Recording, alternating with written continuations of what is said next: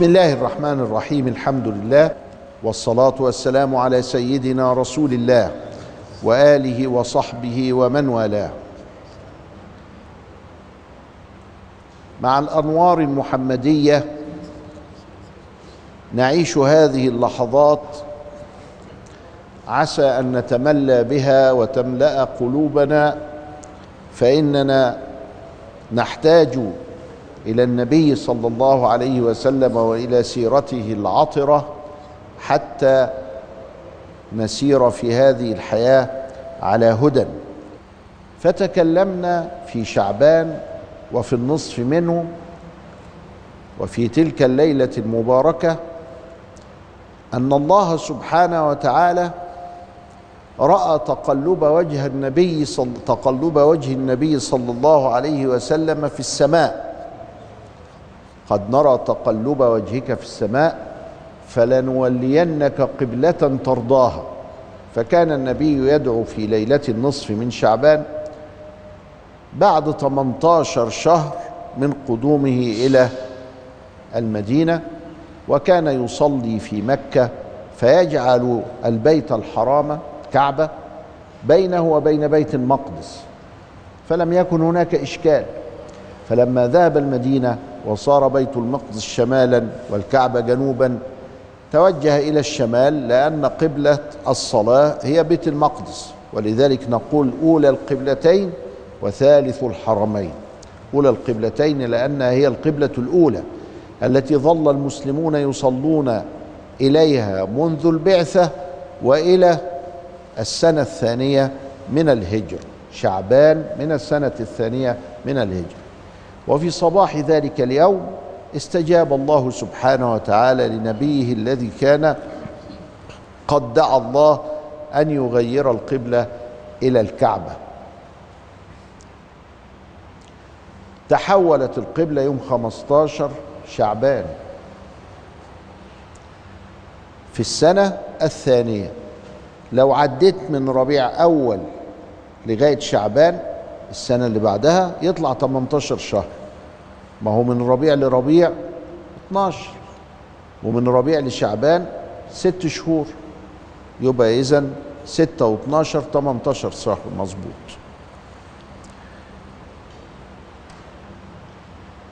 وتكلمنا عن بداية الغزوات. كل ذلك تهيئة لرمضان. السنة الثانية. رمضان في السنة الثانية حدث فيه حدث كبير في يوم 17 منه 17 من رمضان. في هذا اليوم حدثت أول معركة بين المسلمين الذين تهيأوا وظهروا كدولة وأصبح لهم جيش وأصبح لهم مركز يعودون إليه بعد المعركة وأصبح للمعركة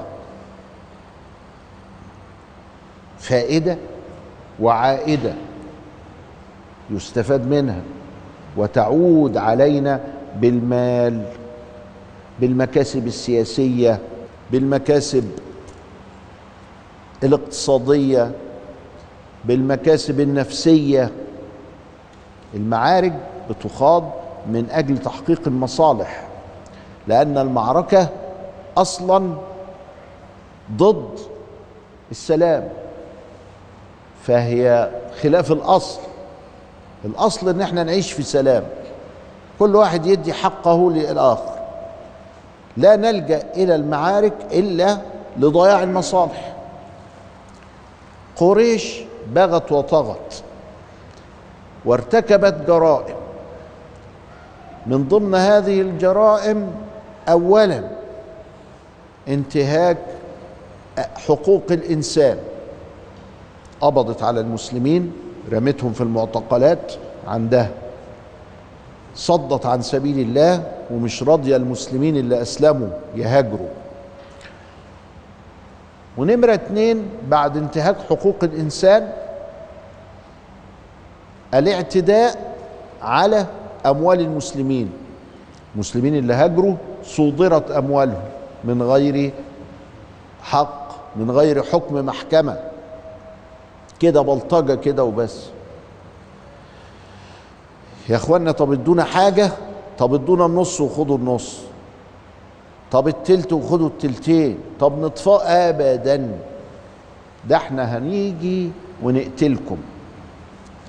وشرحنا قبل كده كيف هدد أبو جهل المدينة وساكنها صلى الله عليه وسلم مع المسلمين بالقتال وبالذبح وبالضياع وبكذا إلى آخره.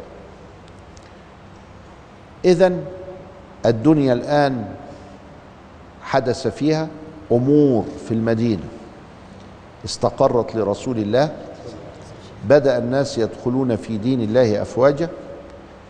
في البداية كان هناك تسعين واحد من المهاجرين أصبح المهاجرون يتوافدون وصلوا 250 كان هناك 45 واحد من الأنصار يا دوبك أسلموا لا ابتدى الإسلام ينتشر. وبدأ الناس في انتشار الإسلام اللي داخل الإسلام ده يدخل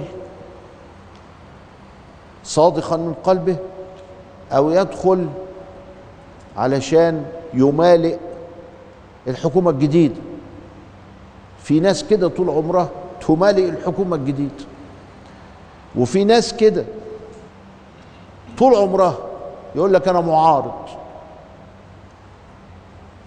يشو هو كان مع الحكومة الجديدة دي هي امبارح. قوم ينقلب إلى معارض النهارده. ليه يا ابني؟ يقول كده خلقت معارضا أنا عايز أعارض. الكلام ده موجود في الخلق. ما هوش غريب ولا حاجة. ففي ناس اللي ضد يصير معه فورا. وفي ناس كده وفي ناس صادقة وفي ناس بتاعت ربنا وفي ناس مش بتاعت ربنا. ولذلك الخلق كده أنواع مختلفة. ما فيش ما فيش غريب ما فيش حاجة غريبة. وإنما في حاجة اسمها يصح وحاجة ما يصحش. لازم وأنت داخل تدخل لله مش تدخل علشان تمالئ أو تنافق. فنشأت طبقه من المنافقين. فربنا حذر منهم وقال إن المنافقين في الدرك الأسفل من النار. وكان على رأس هؤلاء عبد الله بن أبي ابن سلول بس ما كانش لوحده كان هو ومعاه جماعة. وبالرغم من كده المنافقين دول حاجة وحشة قوي لكن في النهاية ابتدى المسلمون يتكثرون. يعني لو بصيت انت كده من الخارج وتقول هم فين المسلمين؟ هم دول. طب ما هم دول كلهم من المسلمين يعني الأبرار الأحرار؟ لا ده في منهم منافقين. فحذر النبي منهم وقال آية المنافق ثلاث إذا حدث كذب وإذا اؤتمن خان وإذا خاصم فجر. وفي حاجة رواية تانية وإذا عاهد أخلف. وبدأ يعدد صفات المنافقين فجعل التخلف عن الجماعة. ما هو المنافق لما دخل قم لقى طب أنا أروح أكتر قوتهم كده؟ طب والله ما أنا رايح.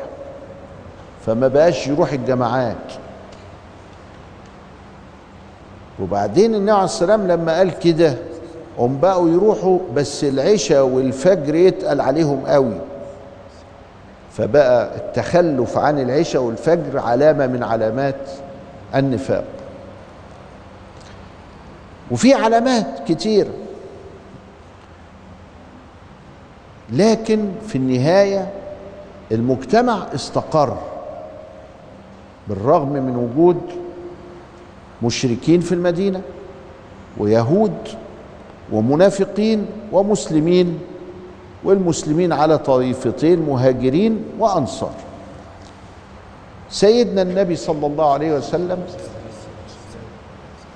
بيخرج في الغزوات ابتداء من شعبان السنة الأولى.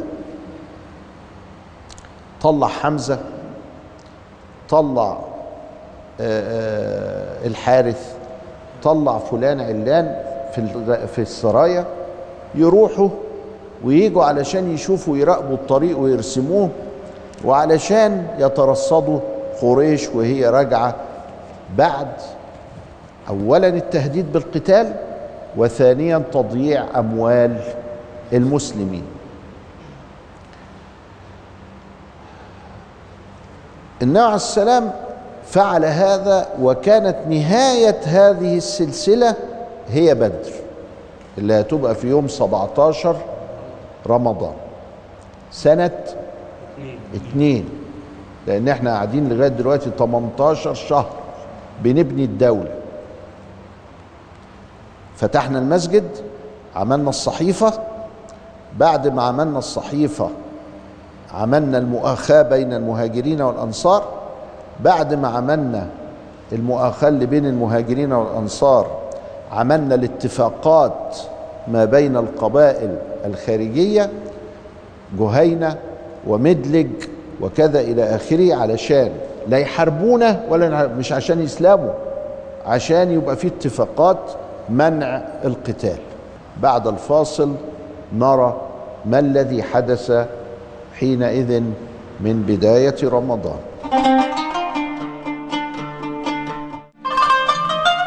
بسم الله الرحمن الرحيم الحمد لله والصلاة والسلام على سيدنا رسول الله وآله وصحبه ومن والاه. بعدما بنى رسول الله صلى الله عليه وسلم الدولة وأكدها في الداخل والخارج تهيأ ذلك للحرب مع المشركين. رسول الله رسول السلام ولذلك لم يذهب إلى المشركين. ولكن هم الذين جاءوا إلى المدينة من أجل العدوان والطغيان. فجاءوا في رمضان في السنة الثانية. والنبي صلى الله عليه وسلم رأى أن يخرج إليهم خارج المدينة. فصار. صار في حدود يوم 13 رمضان. إلى الجنوب. بدر جنوب يثرب. يعني هي ما بين يثرب ومكة. على بعد حاجة بتاع 160 كيلو. 160 كيلو كتيرة. آه. يعني زي من القاهرة للفشل. من القاهرة لبني سويف 120 كيلو. عايزين 40 كيلو كمان بعدها. فيبقى إذا مسافة طويلة. تاخد ثلاث أيام. المشي ده تدريب. ما هوش مجهود بس لأنه كان بيتم بنظام وكان بيتم بطريقة يجعله تدريبا. تحرك جسمك. تتعامل مع الناقة الجمل الخيل الحمار الدواب. تشيل أثقال تشيل السلاح تشيل الأكل والشرب فهو في ذات الوقت تدريب. وتمشي في وقت وتنام وترتاح في وقت تاني. ليهم نظام والنظام معروف علشان جسمك يرتاح. فصحيح السفر فيه مجهود لكن زي المجهود بتاع التدريب بالظبط. ما انت في التدريب سواء العسكري أو الرياضي برضه بتجهد في إجهاد وبرضه في خسارة. واحد العضلة بتاعته تتمزع. واحد العمود الفقري يحصل له انزلاق. ما هو في خسارة أثناء التدريب. بس الغالب إنه تدريب والغالب إنه استعداد.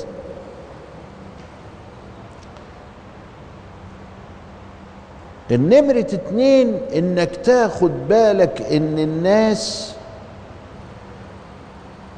مش في الأسنان بتاعتهم دلوقتي. يعني إيه السن مختلف؟ يعني النبي عليه السلام عنده كم سنة؟ 54 دلوقتي وست شهور. ما تقارنهوش بواحد عنده 54 سنة دلوقتي. هو أقوى. عليه الصلاة والسلام. واحد أكبر منه بسنتين. قال ولدت قبله. عنده ستة وخمسين. لا ما تقارنهوش بواحد عنده ستة وخمسين دلوقتي. طب والفرق قد إيه؟ الفرق ده قد يصل دلوقتي في الحالة الجسدية دي إلى عشرين سنة. الفرق ده يصل إلى عشرين سنة. عايز تشوف الحالة الجسدية بتاع واحد منهم شوف هو عنده كم سنة. واخصم منها عشرين. ما دام اتعدى الاربعين ما دام اتعدى الاربعين ما ما تجيليش واحد عنده عشرين سنة وتخصم منه عشرين وتقول لي ده عنده صفر. لا ما دام اتعدى الاربعين يعني اللي عنده أربعين سنة عامل زي اللي عنده عشرين عندنا دلوقتي في النشاط وفي الجري وفي الطاقة وفي الحركة. وحاجات زي كده اهو. كام واحد بقى طلعوا مع سيدنا النبي عليه الصلاة والسلام إلى بدر يوم 13 ولا يوم 12 313 واحد. 312 وهو ال 313 ولا 313 وهو ال 14 ولا كانوا 317 خلاف. السيرة قالت كده وقالت كده وقالت كده قالوا ده لا هم كانوا 312 وتمام ال 13 هو سيدنا. سيدنا هو ال 13 قالوا لا ده هم كانوا 13 وسيدنا هو ال 14 وقالوا لا ده هم كانوا 17 317 المشهور ان هو 313 بسيدنا يبقى اللي طالعين معاه 312 واحد. على الصفة اللي أنا بقول لكم عليها دي. إنهم أقوياء وإن السفر بيعد نوع من أنواع التدريب العسكري. وإن هم مشيوا كله ده لأن دي أحسن بقعة نستطيع فيها القتال مع هؤلاء الناس. فجي واحد من الصحابة قال له يا سيدنا المكان اللي انت قاعد فيه ده هو ده وحي اذا كان ربنا قال لك اقعد هنا خلاص. ولا ده عبارة عن رأي ومشورة ومكيدة يعني للعدو. قالوا لا ده رأي. قال له لا يبقى المكان ده غلط. في رأيي أنا. ده إحنا نمشي شوية كده وناخد المية. هم هم يدوروا على المية ما يلاقوهاش. هم يتعبوا بسرعة. المية تبقى ورانا. فإذا احتاجنا المية وإحنا بنحتاج المية كتير في الشرب وفي الأكل لكن في الوضوء أيضا وكذا. يبقى خلي المية ورانا. وكمان لما هنيجي إحنا ننزل تحت كده هنسد عليهم إنه حد يلتف من ورانا. يبقى سدنا عنق الإزاز. لكن لو كنا متأخرين هيبقى في فرصة إلى إنهم يجونا من اليمين ويجونا من الشمال لورانا ويكبسوا علينا كماشة يقضوا علينا. قال له خلاص توكلنا على الله.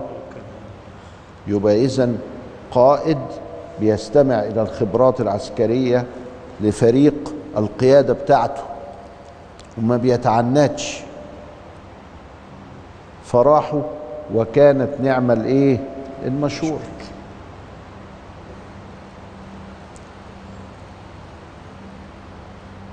راحوا.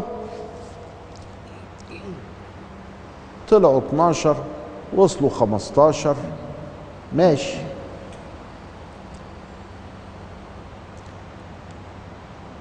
أرسل سرايا علشان تجيب أخبار اللي هي تبقى المخابرات الحربية في المعركة نفسها.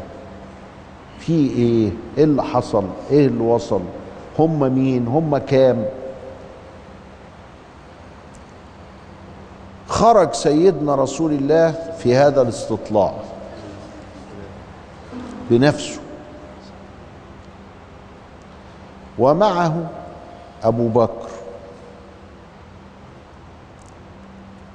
وراح لمكان كده وبعدين وجد البعر الإبل وكده. ورماد وكانت نار قايده واتطفت. عد النار قد إيه وشاف البعر ده أهو. العليف بتاعه إيه لما كسره قوم يعرف هو ده على عليه قال ده عليف قريش. ها خبرة. يبقى لازم من الخبرة ولازم من التعلم. ولازم من من من من تحصيل العلم في الحلقة القادمة نرى كثيرا من تحصيل العلم الذي إذا ما ضيعته لم تنجح وإذا ما حصلته نجحت. فإلى لقاء آخر. نستودعكم الله. والسلام عليكم ورحمة الله وبركاته.